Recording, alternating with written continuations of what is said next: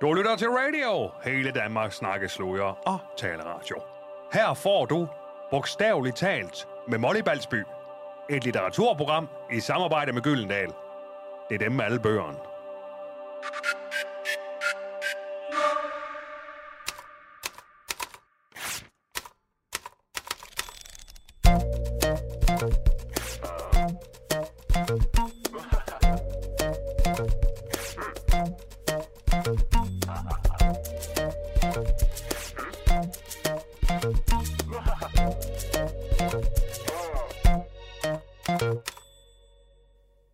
Skabelsesberetningen I begyndelsen var hunden, og hunden var hos Gud, og hunden var Gud. Her hørte vi første sætning i Hundens bog af Hella Juf og Ellen Hillingsø. To personer, der nok ikke kræver nærmere introduktion. Hundens bog er et gakket og satirisk hybridværk, der udover at bestå af tekster om de tos forhold til hunde, også udgøres af en række breve, som deres hunde skriver til hinanden, et indblik i hundens kulturhistorie, brevkasser og parafraser over kendte litterære værker og sange, hvor hunden er i centrum. Blandt andet en genskrivning af Jens Svejmand og Inger Christensens alfabet. Undertitlen er Et kærlighedsevangelium, og det er i høj grad temaet for bogen, den betingelsesløse kærlighed mellem en hund og dens ejer. Jeg vil gerne byde velkommen til dagens to hundekyndige gæster, forfatter og dramatiker Line Knudsen og Annette Røbke, dyreadfærdsspecialist, hundetræner og tidligere vært på Radio 24-7-programmet Et Hundeliv. Ja, tak. Tak. Velkommen til jer. Tak, tak. Først vil jeg lige høre, hvad er jeres nuværende hundestatus? Du vil ikke høre den. Vil, vil du starte? Er det det? Jeg har jo ni hunde.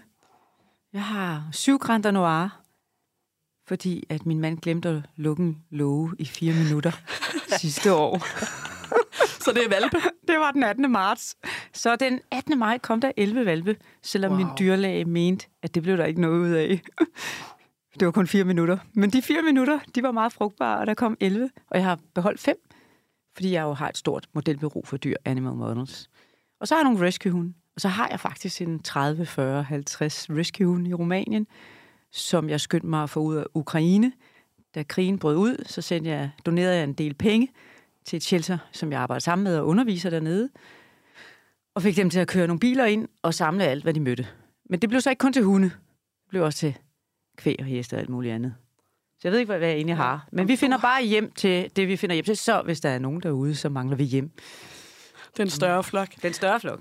Hvad med dig, Line Knudsen? Jamen altså, det er jo så fattigt i forhold til, øh, hvad Annette har og ligger inde med. Jeg sidder jo bare i et, i et øh, tomrum øh, uden hund. Du må få en hund. ja, men øh, jeg har min, min hund blev aflevet her for et halvt år siden, okay. og, og øh, så jeg sidder i, i resterne af, af, er et meget øh, sorgfuldt rum, egentlig taget. Øh, det ved jeg godt, at mange mennesker slet ikke kan relatere til, men det, det er sandt. Og jeg, kan, og jeg har, bor i desværre en lejlighed, hvor man slet ikke må have hund, og, og jeg har aldrig måttet have ham, og det har også stresset mig rigtig meget, øh, at jeg ikke måtte have ham. Og jeg er faktisk lidt fortvivlet over, at, at jeg ikke har sådan en ven ved min side mere. Men sådan er det lige nu. Tror du, du skal have en hund igen i fremtiden? Hvis jeg en dag får mulighed for at bo i et hus, hvor der eller ude et sted, hvor, hvor der er adgang til, altså hvor jeg må have en hund, men øh, det må jeg ikke der, hvor jeg er. Jeg synes jo, det her, øh, altså land i det hele taget, hvad der er sådan en, en hundefjendtlighed. Modstand. Ja, og det er også sådan, man må ikke have med ind nogle steder på restauranter, og folk synes, det er ulækkert. Øhm, hvor jeg har hørt, at i Østrig og i Tyskland især, der er hunde velkomne. Frankrig. Øh, og Frankrig, ja, de må tage dem med på arbejde, og de ligger nede under deres kontorbord og, og er med til at bløde stemningen op og energierne op. Øhm, så det, det er en stor fattigdom, synes jeg, at vi er så dyreforskrækket i det her land. Og, berøringsforskrækket. Og, ja, berøringsforskrækket, og det øh, fordi det er sund, øh, sundt at have dyr omkring os, ikke bare hunde, men i det hele taget. Ubetinget øh, kærlighed. Ja, det, det, ja. Som Det jo er et det. tema i hundens Ja. bog. Og jeg har jo bedt jer begge to om at læse den her bog. Ja. Så jeg vil gerne høre om jeres læseoplevelse. Helt kort. Skal jeg lægge ud? Ja, tak. Øh, jamen, altså, øh, hundens bog er en, en altså er jo sådan en, en lejende bog, og øh, af, af, af alt det sjove ved at have hund, som er pakket ind i det her, som er det, som det giver øh, et menneske, hvis man ellers synes, det er sjovt. Og- Men, men ligesom Ellen og Hella øh, leger rigtig meget, både med hunden, men også inde i deres tanker om, hvem deres hunde er. De skriver breve til hinanden, og at der er så meget sjov med hunde. Øhm, og, og det er det, de prøver at udtrykke i denne her bog. Alt det fis og åndssvage... Øh, og de er bare sjove, de to personer. Ja, så er de så skide sjove, Ella og Ellen, og, og, øh, men, men jeg kan genkende alt det sjove. Altså ind, det der med, at man læ, læ, læser alt muligt mærkeligt ind. Altså for eksempel læste jeg ind i min hund, så øh, Ba- Basse, som også, også et kedeligt navn egentlig, men det endte øh, han hed Basse, for han var en Basse, men at han... Øh, havde han været et menneske, så havde han været øh, en Securitas-vagt eller en, en form for udsmider. Han var, eller måske lige frem rocker. Øh, han var et, et primitivt væsen på mange måder, og jeg var hans dame, og folk skulle lige back off. Ikke? Bodyguard. Ja, en bodyguard. Var han, kunne han omgås andre hunde? Ja, det kunne han godt, men han var ikke... Øh, øh, han var på mærkerne, og øh, ja, han var meget på mærkerne, også med andre mennesker. Og jeg har helt sikkert begået alle mulige adfærdsmæssige fejl, men jeg fik ham også på et tidspunkt, hvor jeg ikke havde det særlig godt. Og han var med mig i nogle år, der var rigtig øh, svære for mig. Mm. Øh, og jeg tror simpelthen, at han har mærket... Se, nu begynder jeg at græde igen. Han har mærket, at du havde brug for en alfa, der mm. passede på dig, så du kunne få lov til at trække dig rigtigt, tilbage ja. og hele. Tak for det. Og det er meget naturligt. Mm. Og det er det, hunde gør. Og det er det, der er så smukt ved hunde og flokdyr. Fordi nu er jeg jo vokset op med ulve. Hos Fre- ja, helt fantastisk.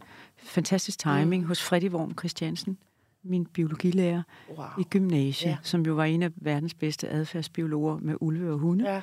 Og han havde jo Ulven Samson, ja. som jo han skrev en bog om, som blev en kæmpe international bestseller. Ja. Han var den første, så vidt vides, sikkert var der andre, Ja. som havde en ulv indenfor i hjemmet. Hold nu op. Ja.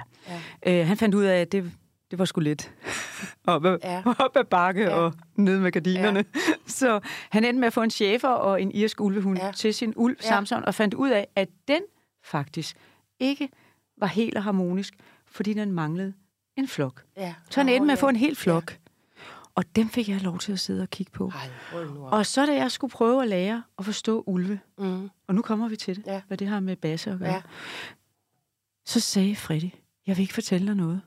Du må gå ud og sætte dig og jagtage dem, observere dem, lytte, og så må du selv finde ud af, hvem der er alfærerne Ja. og betaerne Ja. og omegaerne.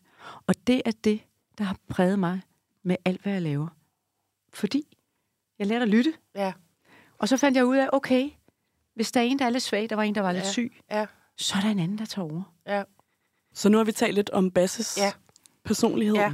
Jeg vil også gerne høre dig, Annette Røbke. Øhm, bogens hovedpersoner er jo tre Labrador. Ja. Hvad siger det Vidunderligt. om Hella Juf og Ellen Hillingsø, at de har valgt Labrador? Det siger først og fremmest, at det er nogle mennesker, som er meget glade for relationer. Kærlighedsrelationer, ubetinget kærlighedsrelationer. Øh, er ikke så begejstrede for konflikter. Øh, kan godt lide, at der øh, sker noget, og at man samarbejder. Fordi Labrador, de er lavet til, det er en samarbejdende øh, jagthund. En aborterende, samarbejdende jagthund, der er lavet til at løbe ud og samle det op, som man nu skød eller andet. Og derfor har man avlet på, altså betinget selektiv avl, at den her hund, den i stedet for at samle byttet op og spise det selv, så deler den det. Så kommer den tilbage med det til sin alfa, semi-alfa menneske hundeleder, øh, som jeg kalder det, en semi-alfa, ikke? Øh, for at dele det med flokken. Og det vil sige, det bliver nødt til, hvis man kigger på en helt ulveflok, og siger, okay, nu tager vi en ulveflok. Hvor er Basse henne i denne ulveflok? Mm. Basse, han vil være en af alfærerne, siden han passer sådan mm. på dig. Hvor er øhm, labradorerne henne? Selvfølgelig er der kæmpe forskel på Darwin og deres øh, hunde her, og det er virkelig mægtigt. Øh, men øh, generelt er labradorer omega-ulve, eller ulve, der ligger sådan i midten og hele tiden sørger for at dæmpe og modbetinge det, vi mennesker kalder konflikter, som det ikke hedder, når man arbejder med adfærdsbiologi. Det hedder spændingsfelter. Så man går ind og modbetinger spændingsfeltet for at kreere harmoni. Og hvad går harmoni ud på? Harmoni er de lavere alfa-hjernebølger og de høje theta mellem 7,8 til 8,2 hertz, og det hedder The Schumann Resonance. Det er en forsker, der hedder Schumann, der har forsket rigtig meget i, hvornår er dyr og mennesker glæde. Og hvis man går ud i naturen, og så tager man en lille måler, en hertzmåler med, og det er en natur, der er vild, og hvor mennesket ikke har været, og smadrer det hele med deres kæmpe egoer og materialisme, så ligger hertzen imellem 7,8 og 8,2 hertz, og det er derfor naturen heler, og det er derfor hundene heler, og det er derfor Ellen og Hella har skrevet en bog om, at hundene, det er jo terapeuter. Fordi de heler vores hjerte, de heler traumer. Ja, fordi de er i alfa-hjernebølgerne. Ja, fordi noget, der også fylder meget i den her bog, er jo det er de her hundes personligheder også, og hvad de bidrager med. Og da jeg talte med dig, Lille mm. Knudsen, i forbindelse med det her interview, så sagde du til mig, at du har fået et helt andet forhold til dyr de seneste par år. Du blev ved med at sige til mig, en ko er også en person. Ja, ja. altså det, det er så min primitive måde at Nej, jeg synes sørger det lyder ja. godt. Øh, men, men, øh, og ja, enkelt. Ja, det, det, men mm. ja, og det er jo bare i forhold til, øh, at når man sidder og spiser sådan en bøf eller en kotelet, ikke, øh, så har jeg fået det sådan, at jeg sidder egentlig jeg skal bare være klar over, at jeg sidder og spiser en person. Øh, jeg spiser nogen, ikke? Øh, men det, det, er jo, det er jo rigtigt, ikke? Og øh, ja. det mindste, jeg kan gøre, hvis jeg vil spise nogen andre, det er at være sikker på, at den nogen, den person, i det mindste har haft et, et ordentligt dyreliv. Jeg kan ikke spise gris mere overhovedet, øh, fordi det, ja. Men, men hvad, hvad vil du spørge? Jamen, var det noget, der ændrede sig, efter du fik Jamen, det hunden, er, Basse? Ja, altså, ja, jeg synes... Jeg har altid godt altså, følt mig meget glad for dyr, og jeg har altid været meget interesseret i dyr. Jeg har øh, Øh, for eksempel været øh, jo som mange enormt bange for kryb og slanger, men så har jeg og øjler og sådan noget, men jeg har jeg trænet... elsker dem. Ja, men prøv lige at høre, jeg har jo også, så har jeg fundet ud af en måde jeg, at, at løse det på, det er, at jeg har set uh, YouTube-videoer med mærkelige dyr, som jeg egentlig er bange for, vender mig til at se krybende adfærd, og, og så pludselig ser jeg jo også øh, og opdager, at alle de her øh, fortidsøjler, Øjler. og, jamen, de er jo kæmpe personalities, og kan alt muligt, og er Øh, og folk nusser med dem og, og hygger ja, med dem. Ja. Det er fantastisk. Øh, så det er jo også nogen i verden. Øhm, og, øh, men, men, men det at have hund øh, har helt sikkert ført mig jo helt, fordi han har taget mig med ud i naturen, øh, jamen bare, altså tættere på, og har øget min opmærksomhed og, på den verden, mm. som er dyrenes verden, fordi jeg jo, vi har jo lige glemt jo en, en noget ligning her, det er vi jo selv er dyr øh, og det bliver vi jo ved med at glemme. Så der er os og dyrene, men det er jo os sammen. Øh, og det, det er, jeg har fået en meget stor bevidsthed om, og det er lidt uoverskueligt. Konsekvenserne er lidt uoverskuelige for mig. Altså sådan rent, sådan, hvad jeg kan verbalisere. Det er bare noget, jeg sanser med min krop. Mm. Jeg må også hellere bekendtgøre, at jeg har aldrig selv haft en hund. Nej. Øhm, du må låne en? Ja, jamen, jeg vil meget gerne have en hund. øhm, men jeg tror også, når jeg læser for eksempel den her bog, der tænker jeg sådan, at man læser de ikke meget ind i de her hunde. Spejler de ikke deres egen personlighed af de her hunde? Mm-hmm. Det, Men, det er et godt spørgsmål. Og i det hele taget, så tillægger vi jo dyr rigtig meget. I det øjeblik, vi anerkender, at dyr har en personlighed. En person, vi sidder og spiser en bøf, der tilhører en person, så begynder vi at højne vores empati. Så begynder vi at være motiveret, interesseret for at gøre noget for, at det her, vi sidder og spiser, rent faktisk bliver nødt til at sige, også er sundt at spise. Fordi alt, hvad der er stresset og ked af det, og trist og fyldt med antibiotika, er ikke sundt at spise. Plus, at vi bliver interesseret i, at de har haft et bedre liv som frilandsgrise osv. Det vil sige, at vi højner dyrenes øh, forhold. Så personligheder er det helt store emne, fordi hvad er en personlighed? En personlighed er et individ med en anderledes opvækst, baggrund, end alle de andre. Kan vi være enige om, at alle har forskellige oplevelser mm. hele tiden? Og så bliver det personligheder. Annette, spiser du dyr? Nej da. Nej. Og ved I hvad? Da jeg var 13 år gammel, der var jeg i praktik hos Ole Selmer Nysted Dyrklinik, som en af mine gode øh, dyrlægeveninder. Henriette Medum, rigtig dygtig dyrlæge, og empatisk dyrlæge, nu har overtaget. Men da jeg var nede hos Ole Selmer, så var jeg i lærer hos øh, hans kollega Jan. Og øh, Iversen, som også er en rigtig dygtig hestedyrlæge. Og så skulle Jan vise mig, hvordan det stod til på et slagteri i Nykøbing Falster. Mm. Og nu er jeg jo sådan, jeg er ikke sådan en, der lukker øjnene. Jeg er ikke sådan en, der siger, at det kan jeg ikke klare at se.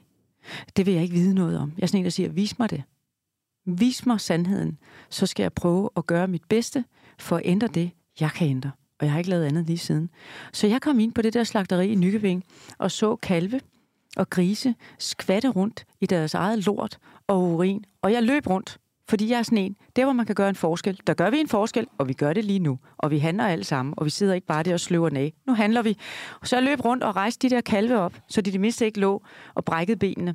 Og så kom de der slagteri-folk, øh, og de fik så fuckfingeren alle sammen. Der, jeg har faktisk givet rigtig mange fuckfingre. Så de fik så fuckfingeren, fordi jeg blev nødt til at sige, hey, hvad er det her for noget svineri? Mm. Det er jo ikke grisene, der er nogle svin. Og det er virkelig nedværdigende og helt skævt at kalde svin for svin. Mm. For de største svin, det er jo mennesket. Mm. Og mennesket er den mest aggressive art, hvilket også er videnskabeligt bevis. Så nej, jeg har ikke rørt kød siden, heller ikke frilandskød. Er du veganer? Ja. ja.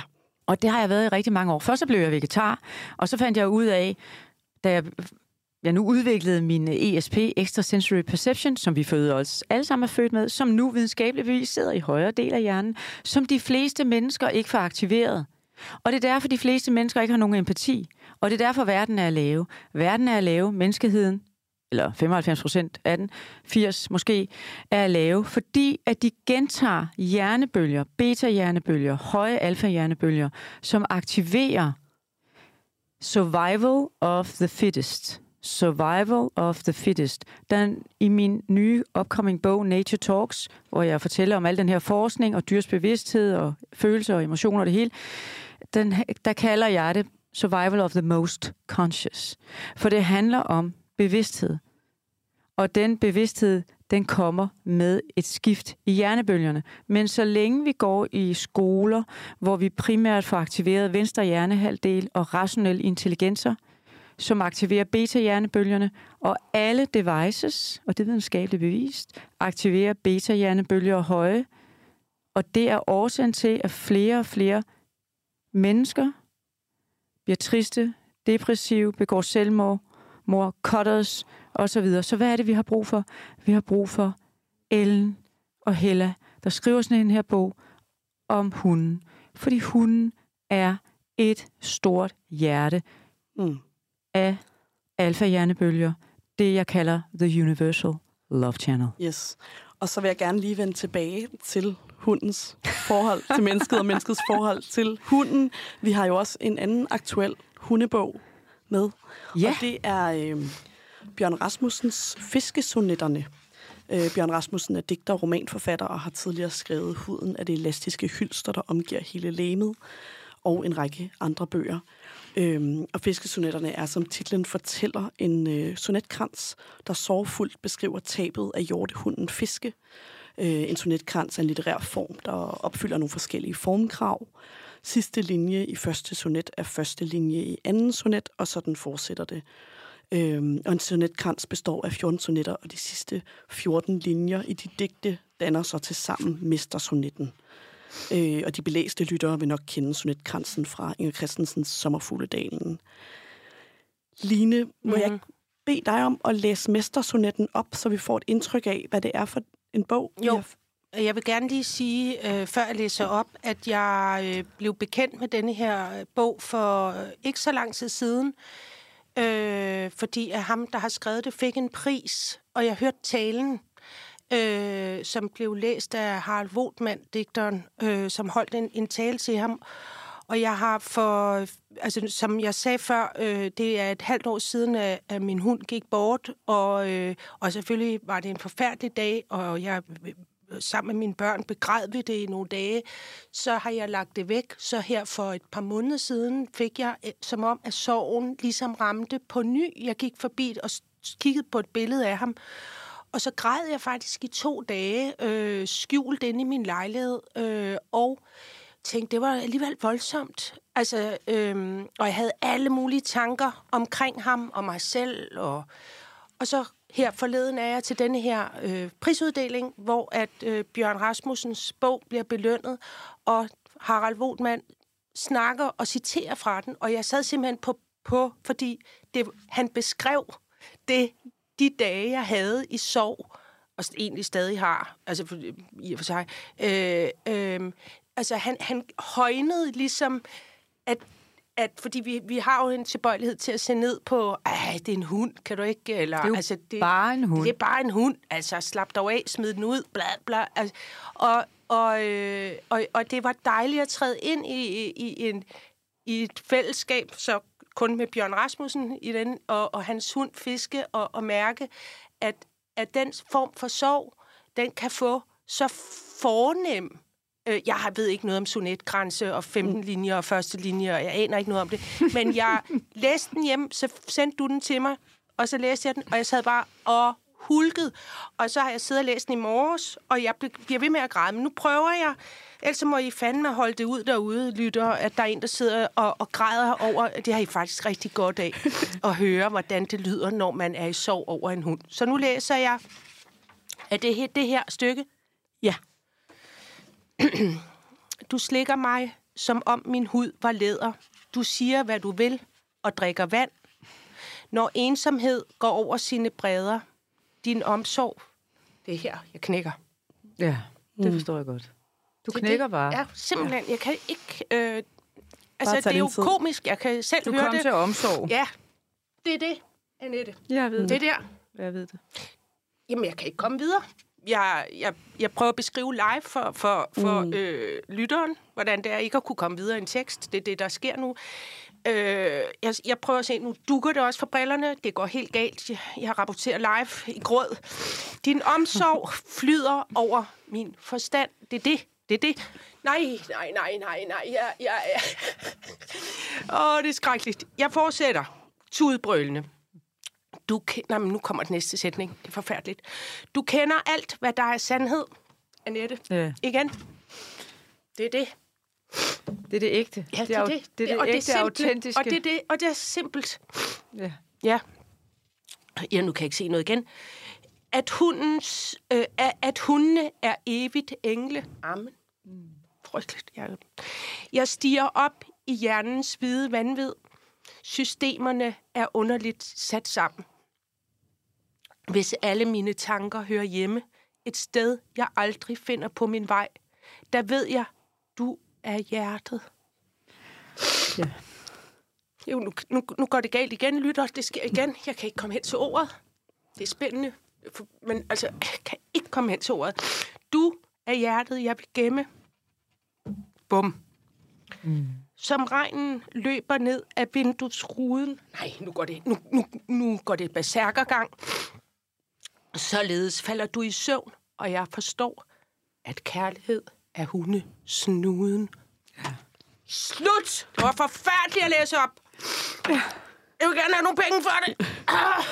Du får, nej. tak får en for masse det, anerkendelse ja, for det. Nej, nej, men altså, kan man, kan man have det i radioen? Ja, på, det er et, et, på, på vegne af alle de andre, ja. der tør mærke dem selv, ja. og mærke den ubetingede kærlighed og hundesnuden.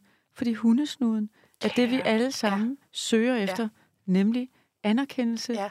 accept ja. og ubetinget kærlighed. Ja. Mm. Og det er det, Hella og Ellens ja. bog jo også bare beskriver så smukt og humoristisk. Og faktisk, det der er fantastisk med dem, er, nu hopper jeg lige tilbage til Ellen og Hella, mm. at de jo sætter sig på niveau med hundene. Der er ikke noget med, at de er overhunde. Annette, nu har du haft virkelig mange hunde i dit liv. Ja. Kan du relatere til den her sorg, Lene Knudsen sidder i? Jeg tror, jeg har 21 sover, som Line sidder og aktiverer inde, inde i mig, inde i mit hjerte. Men jeg er professionel. Jeg er blevet professionel sorg racerkører. Ja, det må du, det, det må du være. Jeg der er må, simpelthen, jeg, jeg mener det. Mm. Men hvis der er nogen, der spørger mig, og jeg har faktisk ringet til en traumaterapeut for kort tid siden, fordi at min sidste fantastiske løvehund sejrer, fordi han ikke blev taget alvorligt af en dyrlæge, og de der dyrlæger, dem, dem har jeg også noget på, jeg kommer frem med på et tidspunkt. En lille dokumentar. Øh, der mangler empati. Og øh, han døde næsten ved kvælning, fordi der var en dyrlæge, der ikke lige kunne tage det alvorligt. Han var ved at dø. Og jeg kan ikke have det. Og det er stadigvæk en stor sorg, det her prægtige, prægtige dyr, som egentlig er en personlighed, som er en sjæl. Fordi nu så kommer vi til det der med, om dyr har personlighed, hvad er personlighed for noget, og om dyr har en højere bevidsthed eller en sjæl. Selvfølgelig har det det. Jesus sagde, jeg er verdens lys. Der har jeg altid tænkt over, hvad er det med det, Det er der lys. lys? Mm.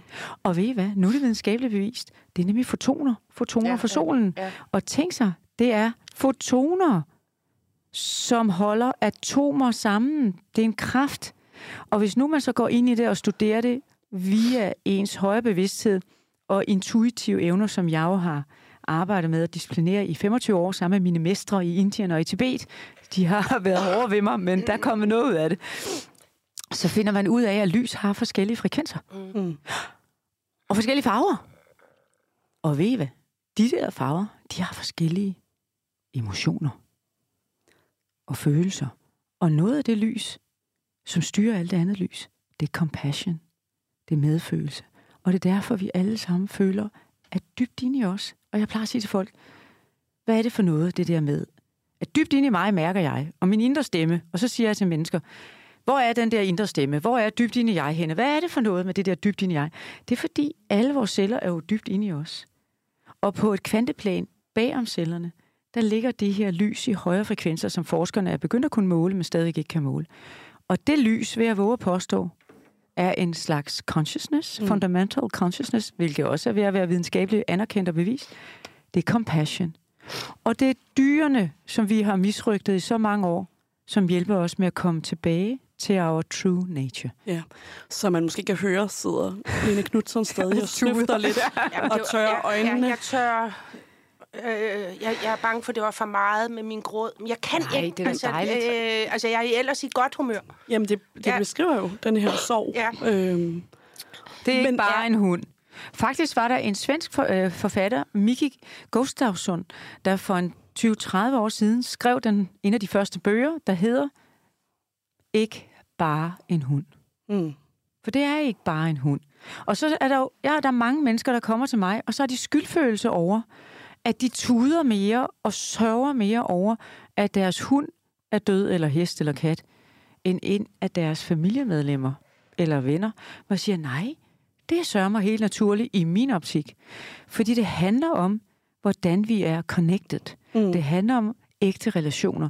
Så hvis vi er connected i en ubetinget kærlighedsrelation, så er det en mere sand connection, og vi bliver da mere kede af dem, der virkelig ubetinget elskede os, end dem, der nogle gange har en skjult agenda, uden de får øget selv ved det. Lene, har du også den skam over den sorg, du føler? Nej, nej, det har jeg faktisk ikke. Jeg, jeg har været lidt overrasket over den.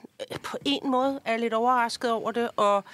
Øh, øh, men, men nej, jeg skammer mig ikke over den. Altså, og, og, og nu... Og det er jo derfor, det er så... Nu sidder vi med to meget forskellige øh, bøger, og jeg vil sige, Ellen og Hellas er til, til, til leg og, og sjov og, og er enormt kærlige. Og, Men der er stadig ikke alvor i den. Men- de, og men de er også- dygtige ja. til at putte alvor ja, ind i ja, den. ja, men der er også om afsked og mm. det ene og Ja, det der er en andet. hund, der bliver aflivet. Ja, og ja, der er en frygtelig historie. Og så synes jeg, at øh, vi har den anden her, som er i en anden boldgade, som er, ja, altså et, et, et digt, en sonet, hedder det så, som øh, er ja, bare er et andet, øh, et andet vingesus, eller et andet sus, der kommer ind i mig, når jeg læser det. Øh, men begge er repræsenterer jo hunde. Ikke? De er sjov, de er skæg, og de er... Og når de er væk, så er det en sorg. Slut. Mm, det, er, der- det er også fordi, i fiskesonetterne, der er ikke noget Ja. filter.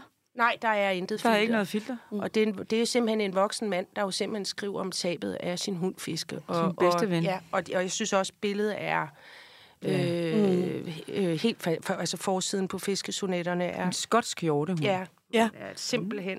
Så, Det er også lidt sjovt, de her to bøger, øh, de er jo meget, meget Ja, forskellige, ja, men, men de visuelt. ja, Ja, det er meget skægt. Samme da farver. det er Begge, rigtigt. de er begge lilla, hvor de har begge ja. hunde på forsiden. Ja. De kommer begge to på Gyldendal, er og kom ret. samtidigt.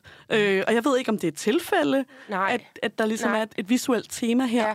Eller, Må, må, må jeg sige noget? Ja, Når man nu forsker i øh, lysfrekvenser, som jeg fandt ud af, det var det, jeg måtte gøre, i fotoner og det, der hedder biophoton emissions, øh, som altså det, fotonerne bliver til, når de kommer ind i kroppen og holder kroppen sammen og så videre, som alle de her fantastiske mestre i Østen har vidst i tusindvis af år, øh, som vi her i, Øst, eller i Vesten ikke rigtig har forstået endnu, fordi at vi bruger nogle andre intelligenser, så vi ikke får øje på det. Men lige præcis lilla, hvis man kigger på lysspektret, så er der flere photons, altså de partikler, der bærer lyset, de hedder fotoner.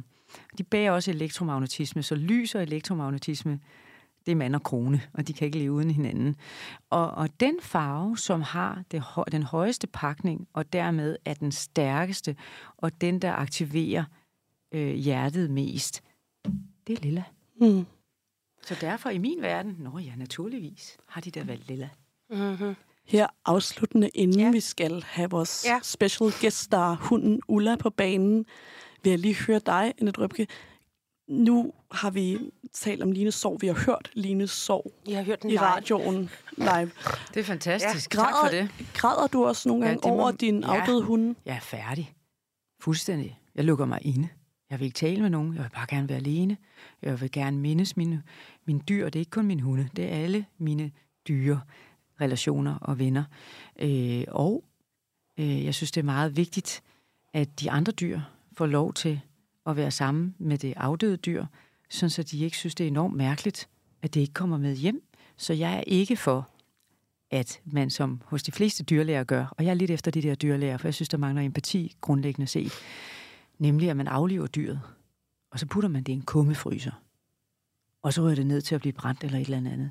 Jeg er bare ikke fan af det, fordi i min verden, øh, og det er så her, der er nogen, der ikke rigtig kan sådan æde mig råt, men i min verden, så dør sjælen ikke, og sjælen, den bliver omkring kroppen i et stykke tid. Øh, nu har jeg også været lærer hos indianere, siden jeg var 18 år gammel, og der tror man på, at vi har en højere bevidsthed, sjæl, øh, kald det hvad du vil, højere selv, øh, og den skal ligesom have lov til at- være der og, og sige farvel. Og faktisk har jeg to dyrlæge bekendte, der ikke troede en skid på det.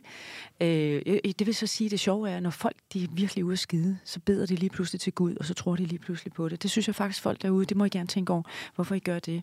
Øh, men da min hest blev aflivet, og det var en meget smuk afsked, min øh, gavilang, da den døde, der registrerede alle, der var til stede, og alle bevægede sig med sådan et ryg i kroppen og kiggede op imod himlen. Og dyrlægen sagde, hvad var det? Så I det der lys? Så i min verden, så er der en sjæl. Og i min verden, så skal man have lov til at lade dyrene sige farvel til hinanden, og man skal have lov til at tage sig tid til at sørge. Og man må også gerne blive vred. Og, og det er er jo- muligt andet. Og det er jo også det, der står på bagsiden af Bjørn Rasmussens bog. Mm. Hundene er evigt engle. Amen. Ja. Amen, præcis. Nu har vi fået Ulla. Ja, undskyld. særligt besøg af hunden Ulla. Annette, hvilken hund er Ulla? Ren racemæssigt er Ulla jo så en sort og tand fransk bulldog, som lige nu er ved at snuse mine bukser halvt i stykker. Fordi jeg jo har så mange dyr derhjemme, så hun er lige ved at identificere, hvem der har været mm, tæt på mig. Og det kan hun godt. Så hun kan godt lugte, om det er katte, hunde, og i princippet også, hvilke typer hunde, og hvilken rang de har, via de stofstoffer, som vi afsætter på hinanden. Det kan vi mennesker også, vi er bare ikke bevidste om det. Ulla er jo lige nu. Kan I høre det? Vi kan i hvert fald høre hendes, hendes lille Ulla, næse. Hun render rundt og nu snuser. og snuser, fordi hun er ved at undersøge det hele. Så derfor, bare ud fra den adfærd, hun har lige nu, hvis man kan, skal kigge på det sådan adfærdsbiologisk, så er Ulla en nysgerrig, hund, som så hedder en øh, orienterende hund, når vi er over i det der kedelige biologisprog. Men hun er en nysgerrig hund. Så har hun en stærk personlighed, hvis man skal kigge på sådan hendes udstråling. Og nu er hun i gang med min taske. Nu savler du vel ikke ligesom en Grand Noir, vel, Ulla? Fordi jeg er altså ikke fan af savl. Uanset hvor meget jeg elsker hunde. Nu er hun lige inde i gardinet. Så Ulla er jo så også en meget aktiv og glad sjæl. Hun er frem i skoene, frem i poterne. Det vil sige, at Ullas menneske, mor, menneske, ven og relation kan nok have lidt udfordring med at få Ullas opmærksomhed, når hun gerne vil have den. Altså, på gåtur, der vil jeg mene, at Ulla er totalt krudt og fyrværkeri. at hun fiser rundt, og hun er mega glad, og hun er meget positiv. Hun har et positivt hundesind og en positiv hundepersonlighed. At hun er nysgerrig. Så nu er, Nu er hun Ulla, oppe på stolen. Nu er hun halvvejs op på mig, Ulla. Ja, det er korrekt. Heroppe sidder jeg, og de må gerne træde nærmere. Unge dame. Ulla er jo ikke så gammel. Nej, jeg tror, hun er et år. Ja. Det er jo, øh, hun er lidt øh, kontorhunden her på radio. Okay. Det er vores chef, øh, Klares hund. Ja. Altså, så, så kan man jo sige, at øh, så er der nok lidt alfa over den kære Ulla. Men adfærden træder ikke så meget igennem, når de er omkring et år. De skal lige have været igennem et par løbetider, som jo udvikler deres personlighed. Og de skal jo sådan lige øh, være et par år, før den ægte rang i en hund træder frem. Men hun er frisk, hun er aktiv, hun er et bundt energi, og nu lige et øjeblik, jeg forlader lige mikrofonen. Ulla? Ulla, vil du sidde på skødet? Ulla, skal du herop så? Jeg spørger lige Ulla, om hun skal på skødet. Skal du herop så? Det er godt, der er samtykke. Ja, vil du gerne op? Ulla vil gerne op. Hvorfor ved jeg det? Jamen, fordi Ulla, hun prøver at hoppe op, og så snuser hun. Hej, Ulla. Hej. Nu er det jo sådan, jeg går ikke ind for overgreb, så øh, normalt så lader jeg hundene komme til mig og begynder ikke at løfte op. Nu kan I se, at nu er hun ved at kravle op på mig. Så nu, nu lige et øjeblik. Øj, sådan der. Nu har jeg jo så Ulla her. Ulla, Line, hvad er dit indtryk af Ulla? Jamen, det er bare, det er bare så hyggeligt. Hvordan har du det med at være sammen med hunde? Jamen, det efter... Er kun dejligt. Altså, jeg har ikke sådan... Jeg, jeg kan ikke tåle at se en hund. Jeg, jeg kan virkelig godt tåle at se en hund. jeg kan ikke lade Ja. kysse. Nej. Og så nu Ja. kysser vi. vi Jeg tror også, at lytterne i mikrofonen kan høre Ullas vejrtrækning. Ja. Ulla. Så Ulla Ja. ja. er en meget energisk... Meget, Ulla, undskyld, Ulla er et meget energisk hundepersonlighed. Ja. Og nu vil jeg undersøge mine ører og øjne og alt muligt, hvilket faktisk udtrykker, at hun øh, er meget, har en højere niveau af empati, hvis man skulle følge den forskning, jeg nu har lavet i mange år. Og nu har Ulla fundet nogle godbidder, jeg havde liggende her. Sådan der, Ulla. Så spiller det. Måske vi lige flytter bogen her, så du kan komme til og ikke få savlet noget til her på bøgerne. Vi redder lige bøgerne. Ja, fordi i hundens bog er der jo en brevkasse. Mm. Og jeg tænkte, Ja. i, øh, at i bogens ånd øh, mm. har jeg bedt øh, Ullas hundemor mm-hmm. om at... Øh, Ulla er Kom. på vej op på bordet. Ulla er halvvejs oppe på bordet. Øhm, jeg har bedt Ullas ejer om at øhm, komme, fortælle os om, om en, øh, hvad kan man kalde det, en øh, problematik, hun har med Ulla. Mm-hmm. Og så kunne det være, hun kunne få noget, noget Ulla skal over hjælp til Line. For dig. Nu er Ulla Ulla, Aarhus Line. Aarhus Line. Nu får Line en meget velfortjent krammer, efter at have Ja. yeah. lavet meget ærlig, autentisk radio. Ja. Åh, oh, hej, Ulla. Der er masser af kys der. ja. Pas på brillerne. Jeg lytter. Ja. Molly, undskyld forstyrrelsen. Det er så fint. Den problematik, der er med Ulla, er, at hun hopper enormt meget op af nye mennesker. Hun gør det ikke med sin ejer, men hun er en, hun er en rigtig hoppehund. Ja, hun er glad, og hun kan ikke styre sin glæde. ja. Ja. Hvad kan man gøre der? Altså, det er jo man... helt almindelig fransk bulldog. Bull, franske bulldogs er jo sådan nogle bunder og glade normalt. Der er selvfølgelig også nogen, der ikke er det. Øhm, og det her med, at en hund hopper op. Nu kan jeg se, at Ulla vil meget gerne op og kysse mig i ansigtet, og hun vil meget gerne op og kysse Line i ansigtet. Det er fordi, at hunde stammer fra ulve. Og det er også videnskabeligt bevist og vigtigt, men forskellige ulvegrupper på planeten. Og øhm, når valpe er valpe, ulvevalpe, så er de afhængige af, at der kommer en ulvefar eller nogle ulvetanter og gylper noget mad op. Fordi de diger hos deres mor i en periode til de 5-6 uger, og så begynder de at gå over til mere struktureret føde. Og der er lige en mellemliggende periode, hvor de skal have opgyldet mad, for ellers så bliver det for voldsomt for deres små maver. Og der kommer ulvefar som regel, eller ulvetanterne, som vi kalder dem, der kommer de hjem og har fanget noget. Det har de så spist, fordi det skal jo for fordøjes. Og den måde, at valvene får maden, den fordøjede mad, ud af mavesækken, det er ved at kysse og puffe farmand i mundvine. Så starter der en nerverefleks og en biokemisk reaktion, som gør, at farmand og tanterne gylper mad op. Og det er derfor, Ulla nu har brug for, det er et program op i hendes hjerne, et adfærdsprogram. Hun har brug for at fortælle Line og mig, her er jeg, Ulla.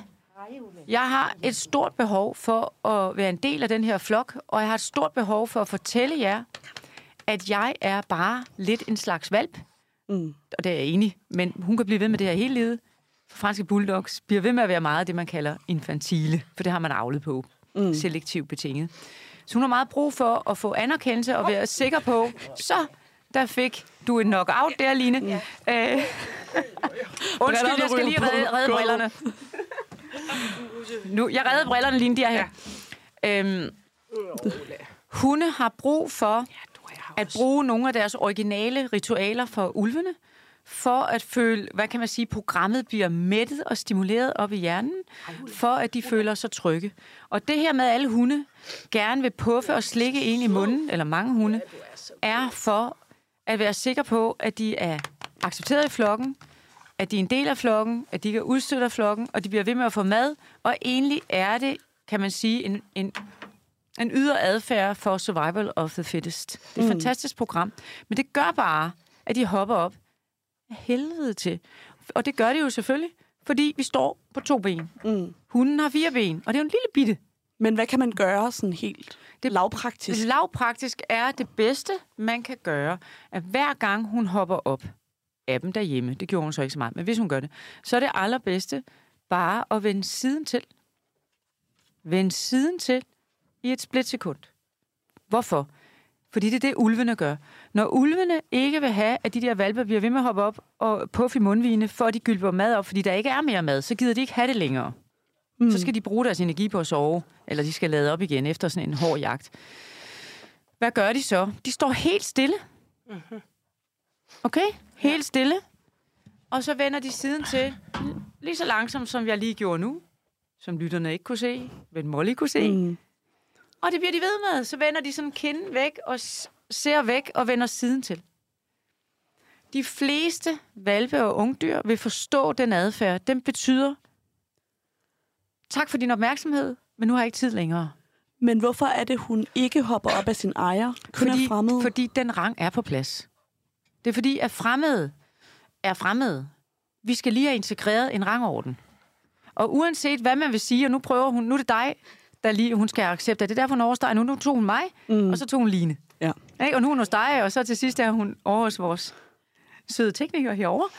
Øhm, og det er ganske naturligt. Hun skal være sikker på, at alle er med på, at hun er en valp, og man må ikke skade hende, og man skal sørge for at give hende mad, så hun kan blive ved med at være i live. Mm. Men enten så gør man det her, det hedder passiv negativ forstærkning. Det her bare fordi man er passiv, men det har en negativ effekt, for det mindsker sandsynligheden for, at adfærden viser sig igen. Nu er jeg ude i sådan noget adfærdsteknisk mm. noget, ikke? Der findes også det, der hedder aktiv negativ øh, forstærkninger. Det bruger ulven også. Det er, hvis der er en valg, der ikke forstår det, fordi den måske ikke fik så meget mad som de andre, så den bliver ved med at være sulten, bliver ved med at være sulten, bliver ved med at hoppe op. Så vil en alfa-ulv til sidst lave det, der hedder knore, vise tænder. Hvis det ikke er nok, vil den lave det, der hedder et soft muscle grab. Og til sidst, a hard muscle grab. Altså, den vil tage over næsen. Det er så lidt svært for franske bulldogs. Der er ikke så meget næse tilbage. Det kan vi så diskutere, hvor godt og skidt det er. Øhm, men de tager over næsen og holder over næsen. Og derfor er det, jeg har sagt til alle mine klienter, der har været mange igennem de her 30 år med, jeg har haft 18 hundeskoler, hvad hedder det, øhm, og uddannet flere altså et par hundrede elever, øh, i adfærdsshaping. Øh, man kan gøre det, at man selvfølgelig laver lige en markering over næsen og sådan et lille tryk. Så bruger man det, der hedder aktiv negativ forstærkning, som en ulv vil have gjort. Og det øjeblik, at ens hund holder op med adfærden, ser væk, smasker, laver små øjne, i det øjeblik, der kan man sætte signal på, og det er der klikkertræning kommer ind. Det er der, hvor man klikker, eller siger ja, eller siger og så laver man en association til en godbid, som man giver en godbid. Så man kan positivt forstærke både på passiv negativ forstærkning og kigge væk i det øjeblik, hun holder op med at hoppe op. Så siger man ja og giver en godbid. Eller man kan også bare give hende en godbid, eller lave et klik, og der kommer en godbid. Det er, hvad man er til. Og det er meget forskelligt, min erfaring. Eller man kan gå ind og lege ulv, og gå ind og lave en lille markering. Og min erfaring er jo med mange af bulldoggerne, at man må meget gerne shape dem med positiv forstærkning, uden at man går ind og laver en decideret fysisk grænse. Men hvis man er dygtig til at kopiere ulvenes eget sprog, så er der ikke noget galt i det, fordi man, der er masser, der siger, at man må ikke straffe en hund, og man må ikke øh, øh, gøre noget fysisk. Det er korrekt. Det eneste, man må helst, det kopiere, hvad ulvene gør. Udfordringen er, at de fleste ved ikke, hvad ulve gør. Man taler jo ofte om, at hunde ligner deres ejer, eller ejerne mm. ligner deres hunde, eller minder om deres hunde. Line, kunne du finde på at få sådan en, hvis du nogensinde skulle have en hund igen, sådan en fransk bulldog?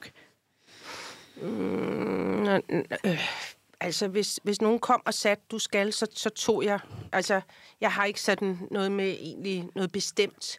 Øh, men skulle jeg selv vælge, jeg kan godt lide lidt noget med noget pels. Mm. Altså, det er bare noget taktilt, altså noget at røre ved, øh, som er pelset. Øhm, ja, for du har heller aldrig selv valgt dine egne hunde, nej, fortalte du nej. mig. De to hunde, ja, du har de haft. er begge to kommet via øh, min datter. Øhm, og, så, ja, og Basse valgte jeg faktisk, var, var, var noget, hun valgte, og så endte han hos mig. Øhm, er du rescue-hunde?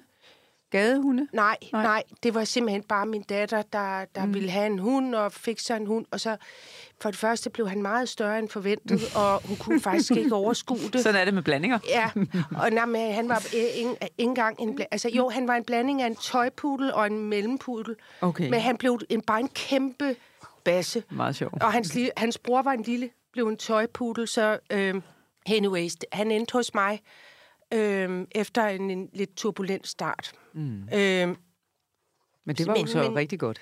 Det var rigtig godt. Mm.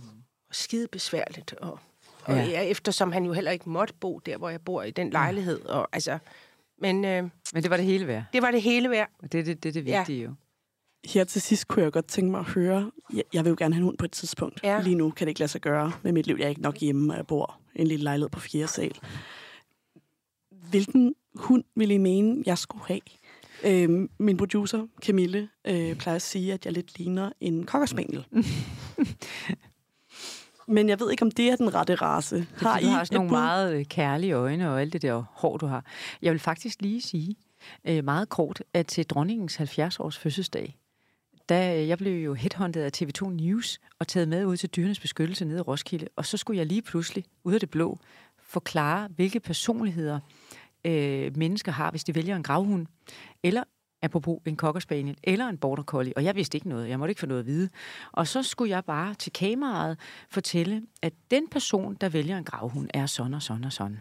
Så jeg fortalte jo bare løs om, hvordan personen, der skal vælge, vil vælge en gravhund, er sådan og sådan, og det så videre. Og lige pludselig, så kom der et lille intuitivt indtryk til mig, og sagde, har det her noget med dronningen at gøre? Mm. Øh, for jeg synes, der var lidt mange konge, dronningehunde der. Og det havde det så. Og det var faktisk op på stor skærm til hendes 70-års fødselsdag.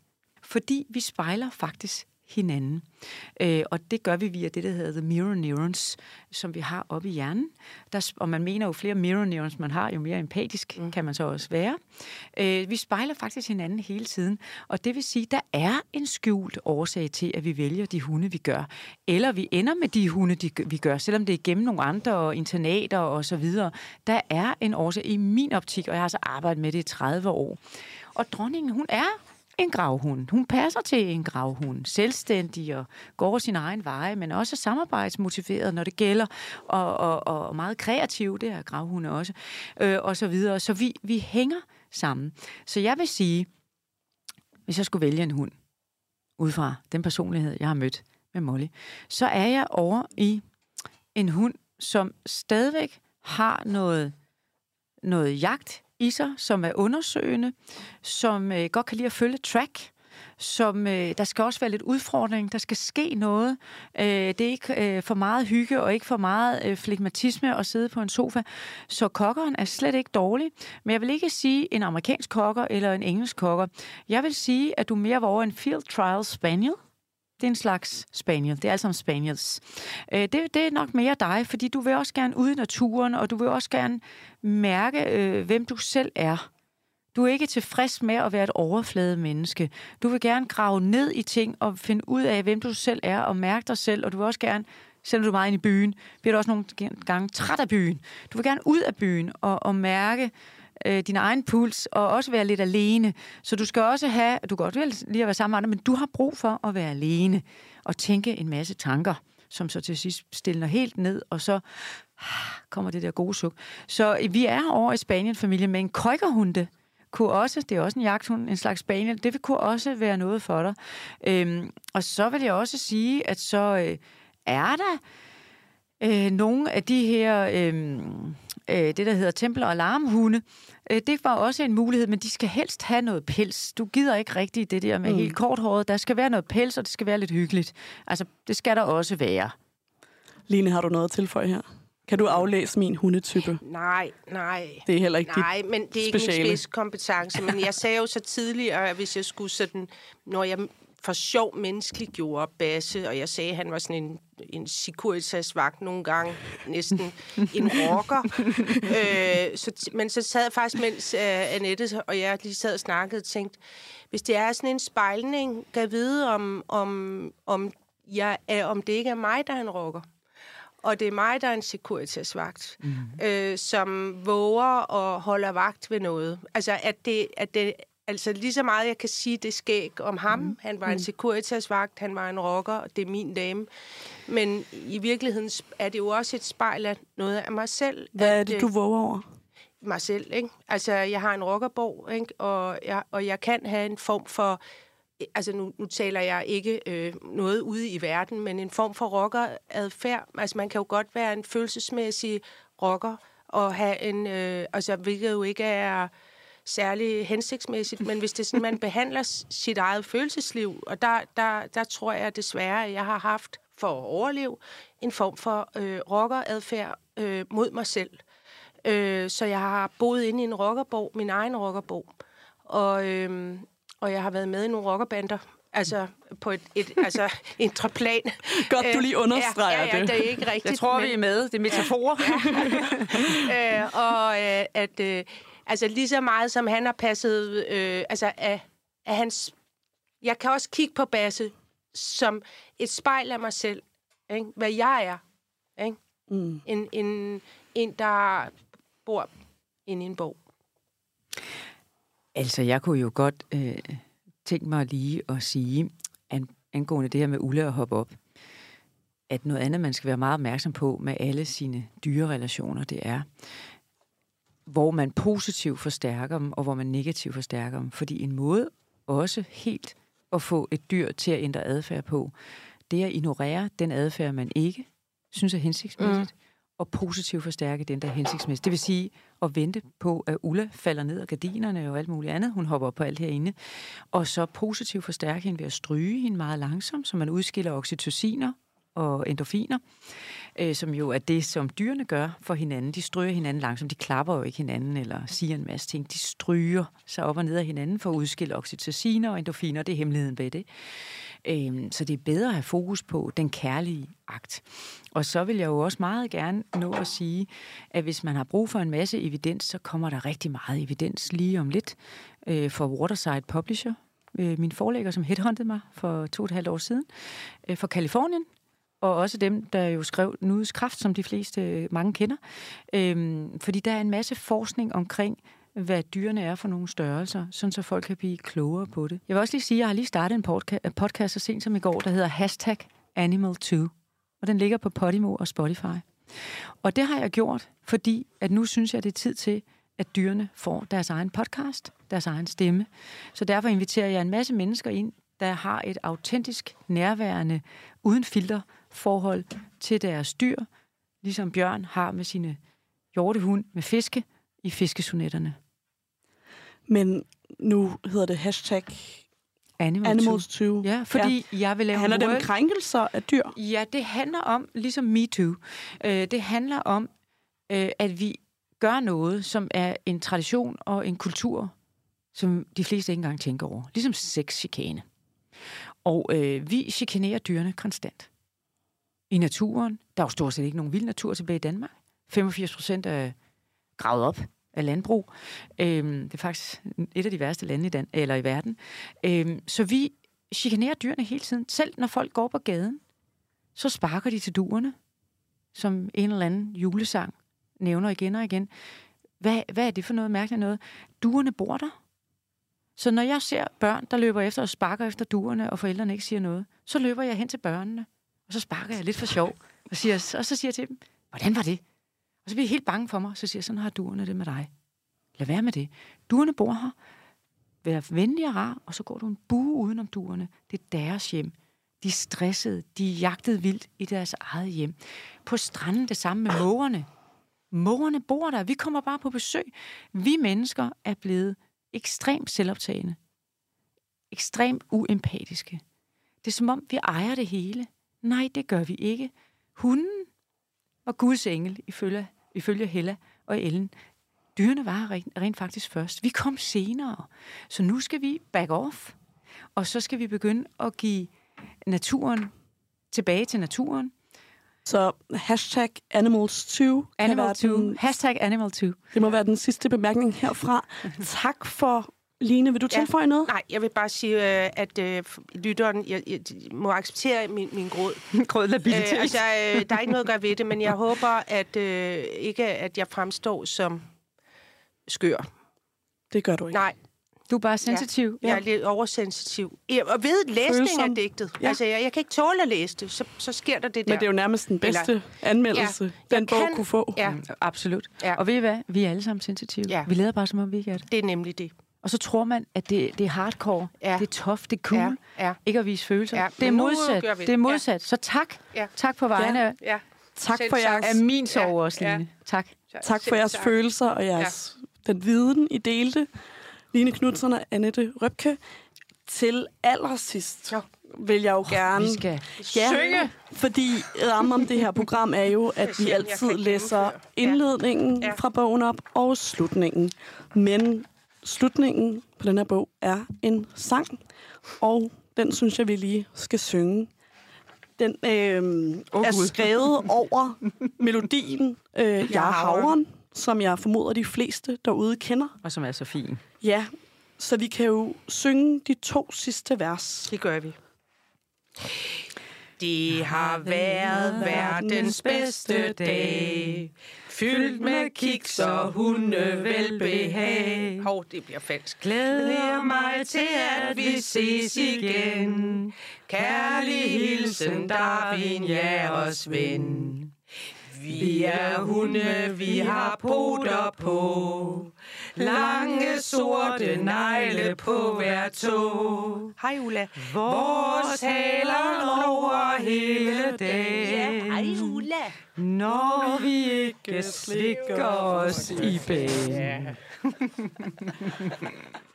Snakke, sludre, tale, radio. Radio i kulhøjde med dig.